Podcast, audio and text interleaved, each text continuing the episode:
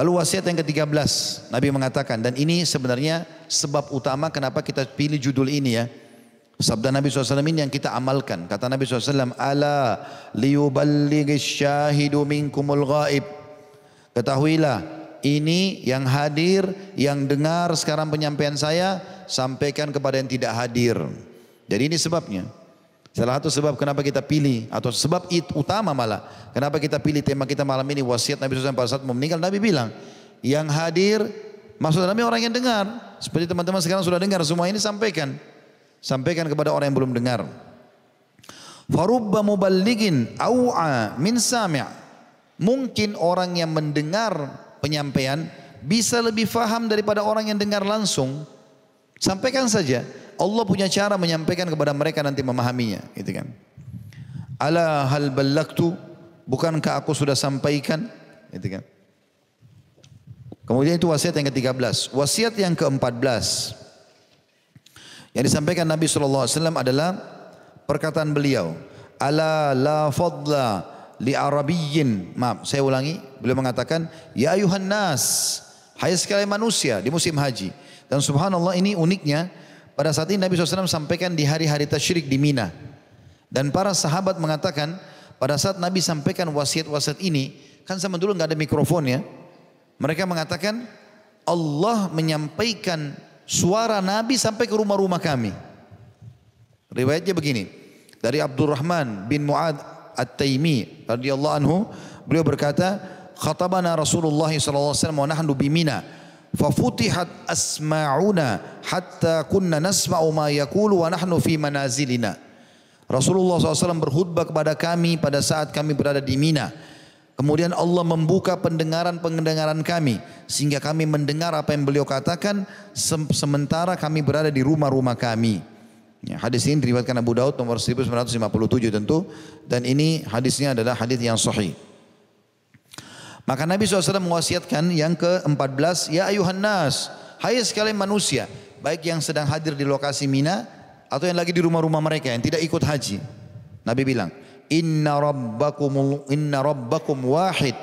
Ketahuilah Tuhan kalian satu. Jangan pada sembah Tuhan-Tuhan yang lain. Patung, pohon, jimat segala macam. Wa inna aba'akum wahid. Dan sumber kalian, ayah kalian satu. Mau orang Melayu, mau orang Arab, mau orang bule. Sama. Kata Nabi SAW kalian semua dari Adam dan Adam dari tanah. Variasi ini Allah ciptakan ada orang bule, ada orang Arab, ada orang hitam dari Afrika, ada orang Melayu. Semua ini untuk menunjukkan kemahabesaran Allah. Tapi kita satu. Tidak boleh ada rasisme. Maka Nabi SAW mengatakan, Ala la fadla li arabiyin ala ajamin, wala li ajamin, wala li ajamiyin ala arabin, wala li ahmari ala aswad, wala li aswada ala ahmara illa bittaqwa. Oleh karena itu, Tuhan kalian satu, ayah kalian juga satu, kalian sama-sama sumbernya manusia, maka tidak ada perbedaan antara orang Arab dengan orang Ajam selain orang Arab. Seakan-akan Nabi mau bilang, walaupun saya ini dari orang Arab, nggak ada bedanya Arab sama orang selain Arab. Tidak boleh orang bilang, Nabi kami Muhammad, Nabi kalian kan Nabi kami Muhammad ini dari orang Arab. Bukan, bukan begitu. Nggak ada. Kata Nabi SAW, tidak ada perbedaan antara Arab sama Ajam. Tidak ada perbedaan antara Ajam sama Arab. Terbalik. Walaupun kalian tinggal di negara Ajam, kalian turunan Arab sama saja. Nggak ada bedanya. Atau orang Ajam tinggal di negara Arab sama saja. Nggak ada bedanya. Tidak ada perbedaan antara orang yang berkulit merah ataupun hitam. Dan juga hitam dengan yang berwarna merah. Sebagian ulama mengatakan maknanya juga bisa bermakna nggak ada beda bahkan antara manusia sama jin dalam ketaatan kepada Allah. Karena Allah mengutus mereka sama-sama untuk beribadah dalam surah Az-Zariyat. Kecuali dengan ketakwaan. Ini wasiat emas Nabi SAW agar tidak ada rasisme. Ya, tidak ada lagi rasisme. Jadi kadang-kadang mungkin ini contoh-contoh saja kayak kita di Sulawesi Selatan misalnya lihat ada saudara kita muslim datang dari Jawa. Kau kan dari Jawa pulang sana. Tidak boleh. Dia juga manusia sama dengan kita. Kebetulan kita lahir di Sulawesi. Dia lahir di Jawa. Dia datang ke sini haknya dia. Ini bumi Allah. Bukan punya kita. Ya, jadi jangan sampai kita muncul rasisme itu. Islam menghapus itu semua. Makanya waktu Nabi SAW pertama tiba di Madinah, yang beliau bangun sebagai pondasi negara tiga. Yang pertama sekali adalah Nabi buat membangun masjid. Masjid Kuba sama Masjid Nabawi. Supaya ada basis kayak Masjid Agung begini. Jadi ada simbol Islam. Ini Masya Allah Indonesia sudah berjalan. Yang kedua yang Nabi lakukan adalah mu'akha. Mempersaudarakan antara muhajirin dan ansar. Pendatang dengan penduduk lokal. Nabi bilang tidak ada perbedaan di antara kalian. Bahkan Nabi motivasi penduduk lokal untuk berlumba-lumba membantu saudaranya yang pendatang. Sampai ada 80 orang lebih muhajir dari Mekah. Tidak ada satupun yang tidak dapat tempat tinggal di Madinah. Bahkan orang-orang di Madinah ada yang memberikan rumahnya lalu mereka tinggalkan rumah mereka, mereka tinggal di rumah lain untuk meninggalkan untuk membuat orang muhajir tinggal di situ. Bertahun-tahun mereka tinggal dimakan, diberi makan, diberi minum, dinikahkan segala macam gitu. Karena ingin menyambut saudara-saudara mereka. Karena Allah mengatakan innamal mu'minuna ikhwah. Semua orang beriman saudara. Gak ada lagi bedanya. Bahkan kita harus menghormati para pendatang itu. Harusnya begitu. Jangan malah muncul rasisme. Ini nggak boleh. Nabi sudah ingatkan. Nggak ada bedanya ya. Kecuali dengan ketahuan. Kalau dia makin soleh, maka dia adalah orang yang lebih mulia di sisi Allah subhanahu wa ta'ala. Kemudian selanjutnya yang ke-15. Kata Nabi SAW, Inna syaitana qad ya'isa an yu'bada bi ardikum. Sesungguhnya syaitan sudah putus asa disembah di jazirah kalian ini. Maksudnya di negara Arab. Di Saudi kalau sekarang ya. Itu syaitan putus asa, nggak bisa lagi disembah di situ. Walakin radiya an yuta'a fi ma siwa dzalika mimma tuhakiruna min amalikum. Fahdharu. Tetapi dia rela untuk ditaati selain daripada itu dari amal-amal perbuatan yang kalian remehkan. Oleh karena itu hati-hatilah, waspadai godaannya. Inni qad taraktu fikum ma in ma in ma in Man i'tasamtum bihi falan tadillu abada kitabullah sunnah wa sunnata nabiyhi. Aku telah meninggalkan kalian supaya tidak sesat, supaya tidak ribut, supaya tidak bertengkar, supaya tidak ada rasisme, supaya laki rajin beribadah, tidak tergoda oleh syaitan. Dua perkara. Kalau kalian pegang teguh pada keduanya, kalian tidak akan sesat. Kitabnya Allah Al-Quran dan sunnah nabinya alaihi salatu wassalam. Yang ke-16 wasiat Nabi SAW. Ya ayuhan nas, hai sekalian manusia. Ati'u rabbakum. Patulah selalu pada Tuhan kalian. Halal nikmati, perintah kerjakan, wajib ataupun sunnah. Haram tinggalkan. Wasallu khamsakum. Salatlah waktu kalian. Jaga baik-baik, penuhi masjid-masjid kalian. Wa addu zakat amwalikum. Jalankan zakat harta kalian. Wa sumu syahrakum. Dan puasalah Ramadan kalian. Wa ati'u amrikum. Patuhi pemerintah kalian tadkhulu jannata rabbikum kalian pasti akan masuk surga Tuhan kalian ini wasiat-wasiat yang luar biasa terutama masalah solat ya saya kemarin subhanallah waktu bimbing umroh ada plus Aqsa sempat masuk ke Jordan Walaupun ada masalah sedikit di Palestina kemarin karena visa sulit tidak keluar. Tetapi subhanallah saya sempat ke benteng Salahuddin membawa jamaah di Jordan. Benteng itu dibuat di atas gunung tinggi Sekitar dari kota Amman mungkin 45 menit. Dingin sekali, benteng yang sangat strategis. Dari atas itu kelihatan Palestina dan kelihatan Jordan. Salahuddin dapat taufik rahimahullah untuk membuat benteng itu gitu. Dia buat benteng itu dalam sejarahnya setelah 23 tahun ya terus menerus memperbaiki keadaan umat. Tadinya umat Islam mirip dengan keadaan kita sekarang, masjid banyak kosong. Yang sholat mungkin satu saf, dua saf. Ya. Sedikit sekali. Maka Salahuddin terus memperbaiki keadaan umat 23 tahun.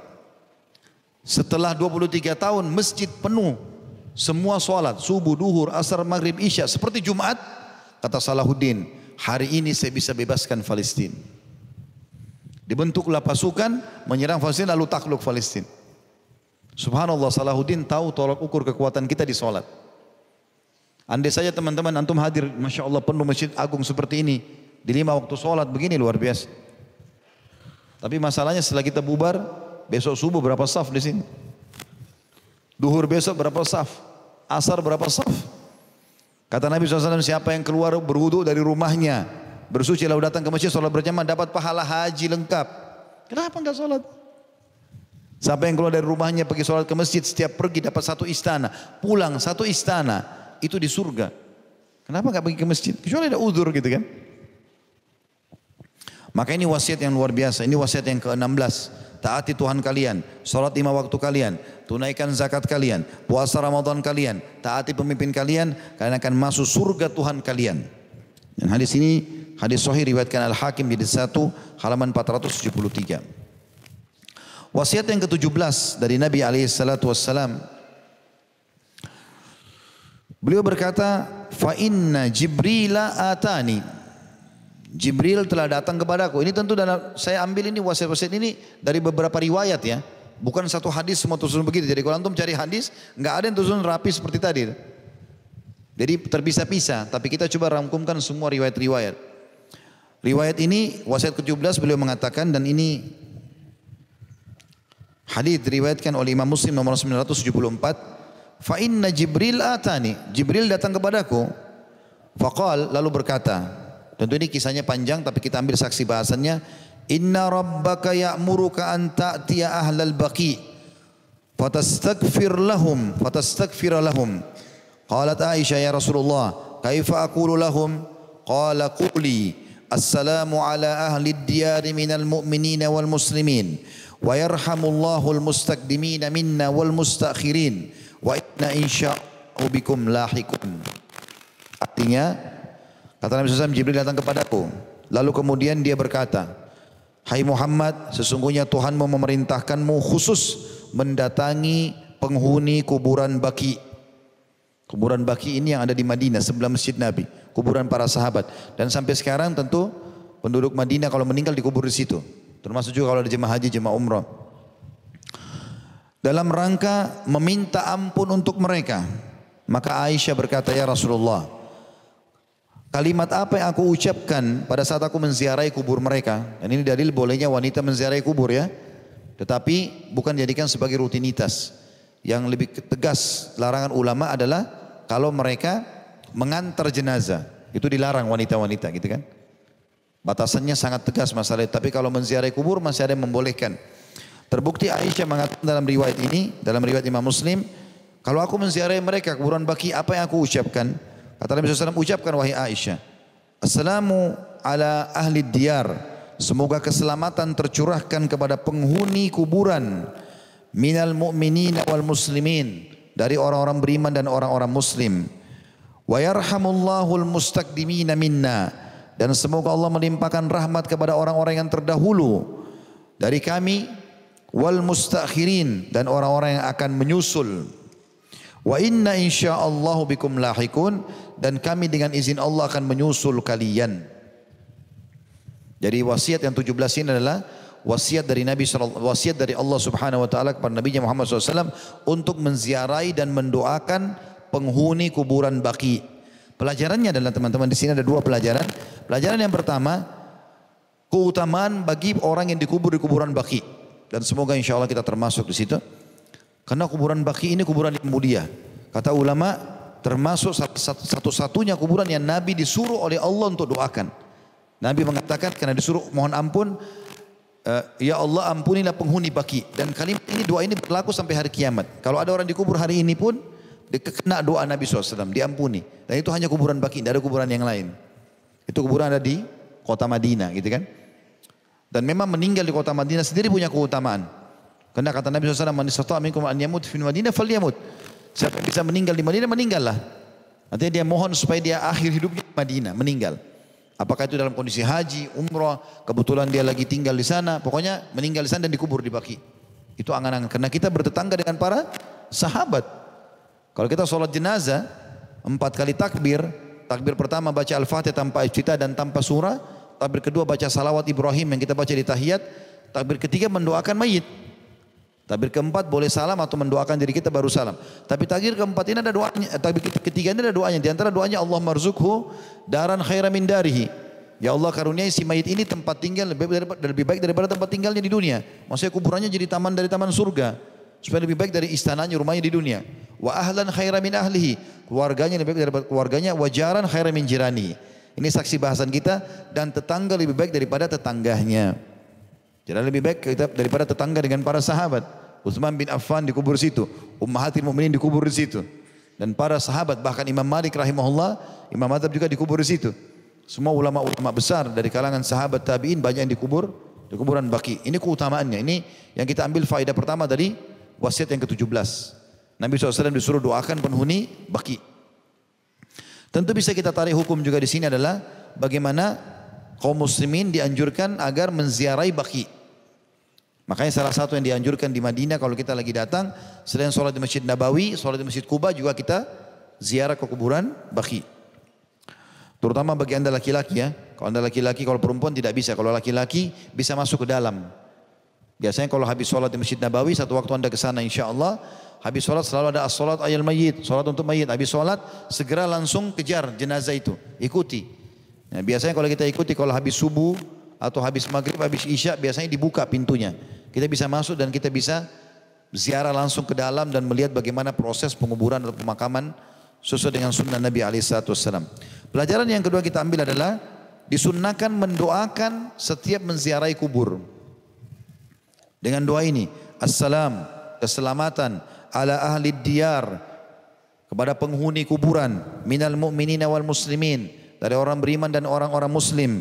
Wa yarhamullahu mustaqdimin minna. Semoga Allah merahmati orang-orang yang terdahulu di antara kami maksudnya yang sudah meninggal. Wal mustakhirin dan yang akan menyusul. Wa inna insyaallah bikum lahikun. Dan kami akan menyusul kalian nanti. Ini dua-dua dianjurkan untuk dibaca pada saat kita ziarah kuburan. Wasiat yang ke-18 Nabi SAW berkata, tapi ini terjadi setelah pulang haji.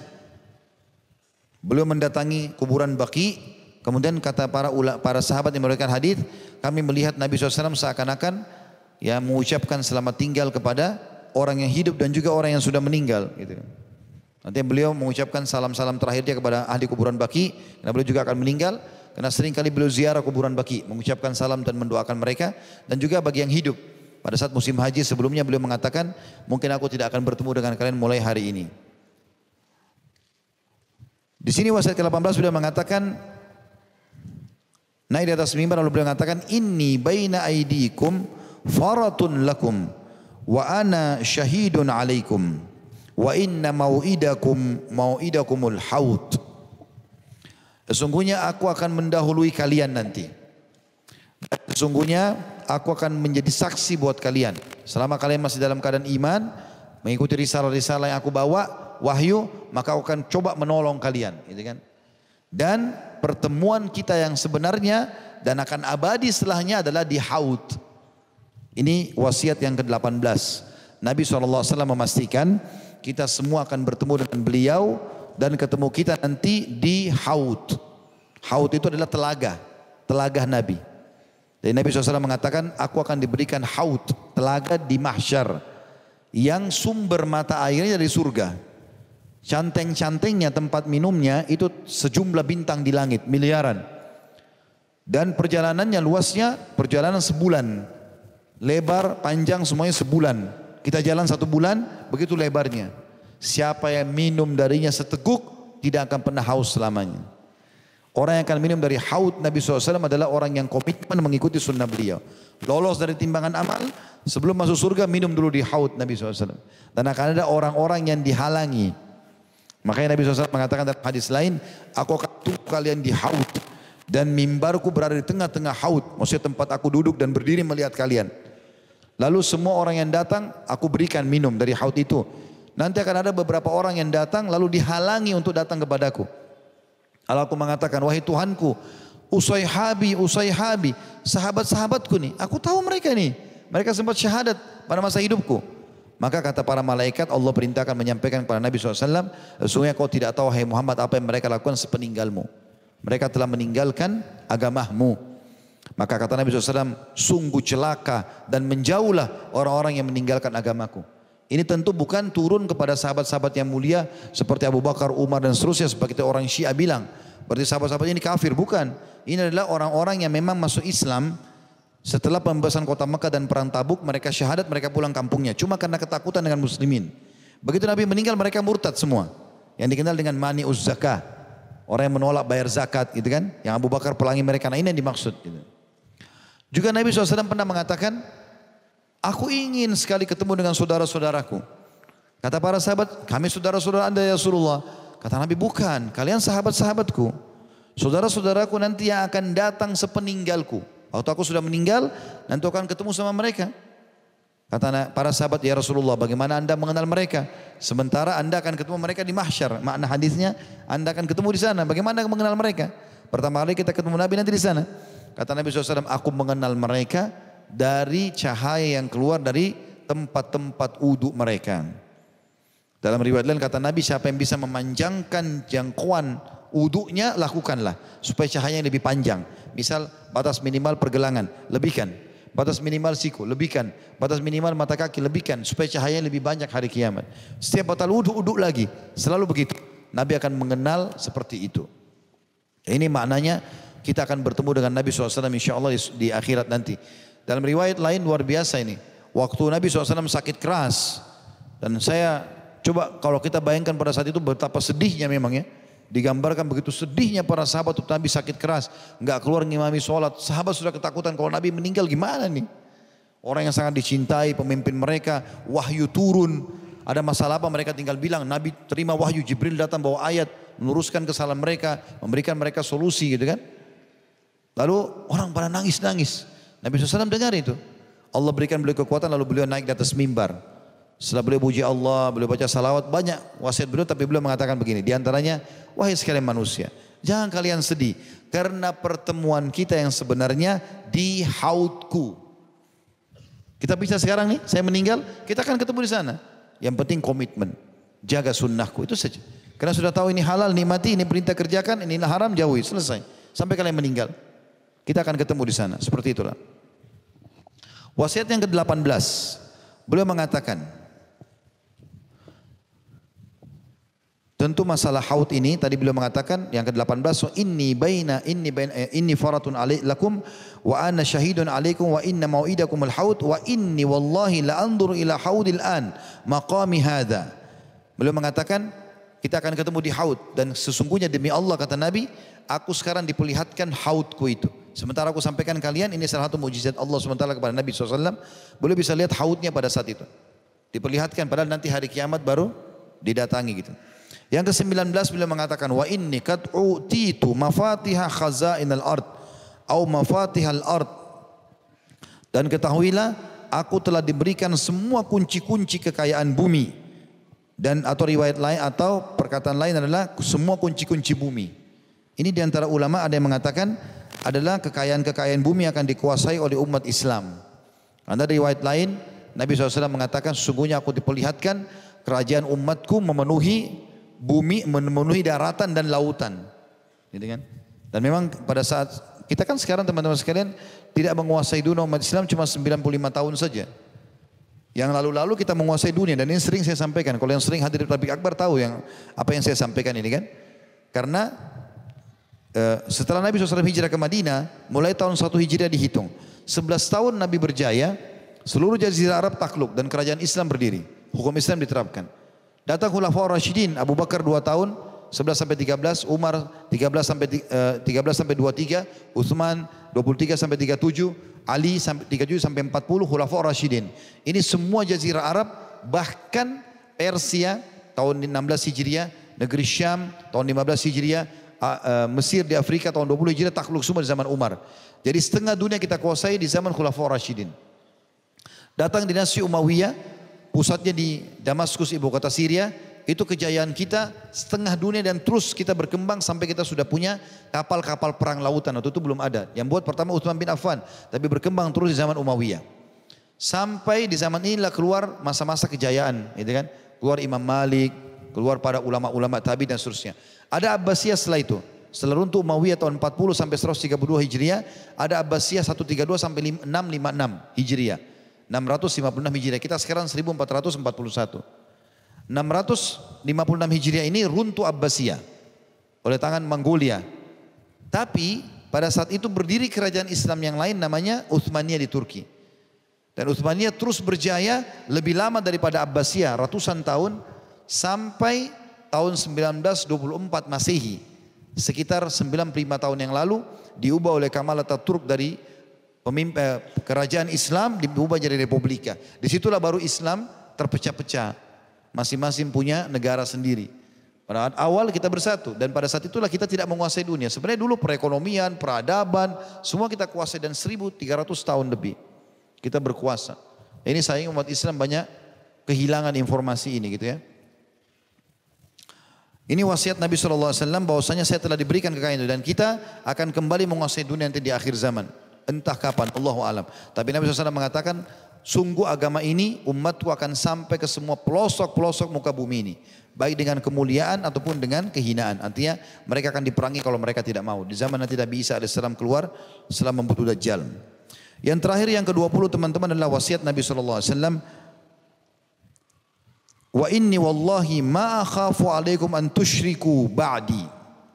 Sesungguhnya aku tidak terlalu khawatir kalau kalian berbuat syirik kepadaku. Maksudnya bahkan banyak umatku nanti dai-dai, ulama-ulamanya akan menyampaikan enggak boleh syirik, enggak boleh syirik gitu. Walakinni akhafu alaikum ad-dunya an tanafasu fiha. Tapi aku khawatirkan dari kalian nanti yang paling merusak hubungan kalian satu sama yang lain adalah kalian saling berebut dunia jabatan, harta, saling menjatuhkan. Watatatilu fatahliku kama halaka man kana qablakum. Maka kalian saling bunuh membunuh gara-gara itu. Dan akhirnya kalian binasa sebagaimana binasanya orang-orang sebelum kalian. Subhanallah di zaman Umar bin Khattab pernah waktu Persia takluk tahun 16 Hijriah banyak ganima. Di antaranya gelangnya Kisra.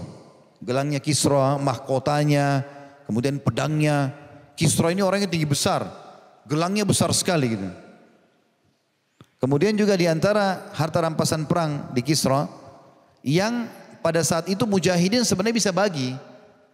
Gadima, harta, gadima ini harta rampasan perang dibagi menjadi lima bagian. Seperlima untuk Allah dan Rasulnya diserahkan pada pemimpin, pemerintah nanti mereka yang bagi. Empat per limanya dibagi kepada para mujahidin. Tapi waktu itu jumlah mujahidin yang masuk ke Persia hanya 12 ribu orang. Persia negara yang besar, kekayaan banyak. Maka ada beberapa harta mujahidin pikir kita nggak perlu kasih aja kepada Amir Mukminin. Di antaranya gelangnya Kisra, pedangnya, topi mahkotanya emas semua. Dan ada karpet. Diceritakan dalam buku-buku sejarah, karpet ini itu tidak tidak bisa kita gambarkan atau dibentuk sekarang mungkin ya. Karena digambarkan sifatnya adalah karpet itu sangat tebal. Dan di dalamnya kalau lagi ditebar itu seperti ada kebun-kebun. Bagaimana Allah alam? Kisra hanya taruh itu di musim salju. Karena mereka di sana ada dingin musim dingin salju. Kalau lagi dingin, Kisra buka itu seperti seakan-akan dia berada di musim semi. Itu besar sekali. Lalu digulung oleh para sahabat, dikirim ke Madinah, dibawa. Waktu Umar lihat, datang, kemudian baca suratnya radhiyallahu anhu, inilah sebagian kecil dari kerajaan Kisra. Padahal orang Madinah sudah kaget melihat itu. Karpet diangkat oleh hewan-hewan yang sangat banyak, gerobak-gerobak yang disusun berapa susun baru bisa mengangkatnya. Juga pedang, segala macam banyak, gendi-gendinya yang mahal-mahal gitu. Begitu lihat Umar langsung senyum sambil mengatakan, Subhanallah yang telah membuat mereka mencintai dunia ini. Gitu kan. Artinya sampai seperti ini mereka, sampai Kisra harus pakai emas yang tebal di tangannya dan segala macam. Lalu kemudian Umar bin Khattab mengingat ada satu sahabat yang sudah masuk Islam itu namanya Suraka. Siapa Suraka ini? Suraka ini pernah waktu Nabi mau hijrah dari Mekah ke Madinah, dia masih kafir. Kan disebarkan informasi oleh Abu oleh Abu Abu Jahal segala macam ini, siapa yang menangkap Muhammad hidup otomatis dapat 100 unta. Kalau kita sekarang 100 mobil Alphard, tangkap Muhammad hidup otomatis. Orang berebut, Suraka sempat melihat Nabi, dia mau kejar dan dia sempat mengejarnya. Sudah dapat jangkauannya, sudah tinggal melepaskan anak panah bisa bunuh Nabi, tiba-tiba untanya, apa kudanya masuk ke dalam tanah. Lalu dia nggak bisa bergerak, dia sama kudanya tenggelam. Lalu dia mengatakan, Hai Muhammad, aku kapok, tidak mau lagi mengejarmu. Gitu kan? Tapi berikan aku jaminan, kata Nabi SAW kepada Abu Bakar di sebelahnya, tulis jaminan sama dia. Kalau dia tidak akan diganggu oleh muslimin. Maka dikasihlah kepada dia. Begitu dikasih, lalu dia bisa keluar dari tanah itu. Nabi SAW berdoa agar dikeluarkan oleh Allah keluar. Lalu Nabi bilang, Hai Suraka, bagaimana perasaanmu kalau di kepalamu ada mahkotanya Kisra dan di kedua tanganmu juga ada gelangnya. Kata Suraka, e, Kisra anu Sinwan, maksudnya Kisra yang berkuasa sekarang ini. Kata Nabi SAW, iya. Waktu itu dia masih dalam keadaan kafir ya. Pembebasan kota Mekah terjadi, Suraka masuk Islam, gitu kan? Masuk Islam. Setelah itu Nabi SAW meninggal. Ternyata terjadi di zaman Umar. Gelangnya Kisra, pedangnya, mahkotanya dia harta rampasan perang. Suraka ada di Madinah. Suraka ini orangnya kurus, kecil. Lalu kata Umar, panggil Suraka. Orang semua bingung, kenapa panggil Suraka ini? Lalu Umar mengatakan di depan orang-orang, Hai Suraka, waktu kau kejar Rasulullah SAW ke Madinah dulu sama Abu Bakar, apa yang Nabi bilang sama kau? Dia bilang, Hai Suraka, bagaimana perasaanmu kalau kau pakai dua gelang emasnya Kisra? Itu kan? Kata Umar, Hai Suraka, untuk membenarkan apa yang Nabi SAW sampaikan, ini kedua gelangnya Kisra. Dan ini pedangnya, ini mahkotanya. Kenakan sekarang. Dipakai. Setelah dipakai, kata Umar, jalanlah keliling Madinah. Lalu sampaikan apa yang Nabi SAW sampaikan kepada kaum. Maka dia keliling Madinah sambil teriak. Rasulullah SAW bilang padaku, Hai Suraka, bagaimana perasaanmu kalau kau pakai kedua gelangnya emasnya Kisra. Dan ini emasnya Kisra keliling Madinah untuk membenarkan apa yang Nabi SAW sampaikan. Subhanallah, apa yang beliau sampaikan benar. Maka jangan pernah ragu teman-teman dengan janji Nabi Alaihissalam. Kita tinggal beriman, istiqamah demi Allah yang dijanjikan benar. Kita akan melihat semua itu bidadari, bidadara, istana, kebahagiaan akan kita lihat. Di dunia ini kita cuma disuruh beramal. Setelah itu kita akan panen hasilnya insya Allah. Baik, mungkin sampai sini saja teman-teman sekalian karena melihat waktu juga sudah sekitar setengah sepuluh malam. Mudah-mudahan waktu yang sudah kita luangkan ini, energi, dan juga apa pun mungkin materi teman-teman pada saat datang tadi dengan bensin, kendaraan dan segala macam semua dicatat pahala oleh Allah Subhanahu wa taala. Dan semoga seluruh amal yang pernah kita kerjakan dari amal soleh dan juga yang sedang kita kerjakan yang akan kita kerjakan sampai menjelang ajal dan nanti semua diterima dengan pahala yang sempurna dan semoga seluruh dosa yang pernah kita kerjakan dimaafkan dan diganti oleh Allah dengan kemahamurahnya menjadi pahala. Selalu kita doakan agar negara kita menjadi negara yang aman, tentram, damai. Seluruh umat Islam di bawah naungan ukhuwah Islamiyah dalam hal ibadah mereka kembali kepada Al-Quran dan Sunnah. Dan semoga Allah memberikan seluruh pemimpin-pemimpin kita hidayah kembali kepada Islam, kepada keimanan, kepada amal soleh dan juga seluruh masyarakat Indonesia dan semoga menjadi contoh bagi negara-negara yang lain dan siapa pun yang menginginkan keburukan bagi negara kita, bagi agama kita, Allah kembalikan tipu daya mereka kepada diri mereka sendiri. Dan semoga Allah menolong saudara kita di Palestina, di Syria, di Yaman, di Irak, di Myanmar, di Ahsa, di Cina, di mana pun yang sedang tertindas. Semoga Allah ikhlaskan niat mereka, terima para syuhada mereka, muliakan Islam di tangan mereka dan tangan kita semua. Dan semoga Allah ikut sertakan kita bersama mereka di pahala, baik dengan doa, dengan harta juga dengan jiwa kita. Dan semoga Allah menyatukan kita semua di surga Firdausya tanpa hisab, mana disatukan dalam majlis ilmu yang mulia ini. Ada benar pasti dari Allah, kalau ada salah dari saya mohon dimaafkan. Subhanakallahumma bihamdika, asyhadu an la ilaha illa anta astaghfiruka wa atubu ilaik. Wassalamualaikum warahmatullahi wabarakatuh.